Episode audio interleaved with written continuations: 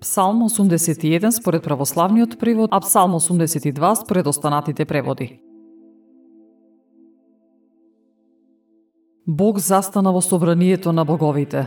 Меѓу боговите изрече суд. Докога ќе судите неправедно и спрема нечестивите ќе покажувате пристрасност. Бидете праведни кон сирак и беден, праведен и сиромав. Ослободувајте го сиромавиот и бедниот од раците на нечестивите. Не знаат, не разбираат, во темнина одат, сите земни основи се разнишаа. Јас реков, вие сте богови, вие сте сите синови на Севишниот, но вие ќе умрете како и сите луѓе и ќе паѓате како секој кнез. Стани Боже, суди на земјата, зашто Твои се сите народи,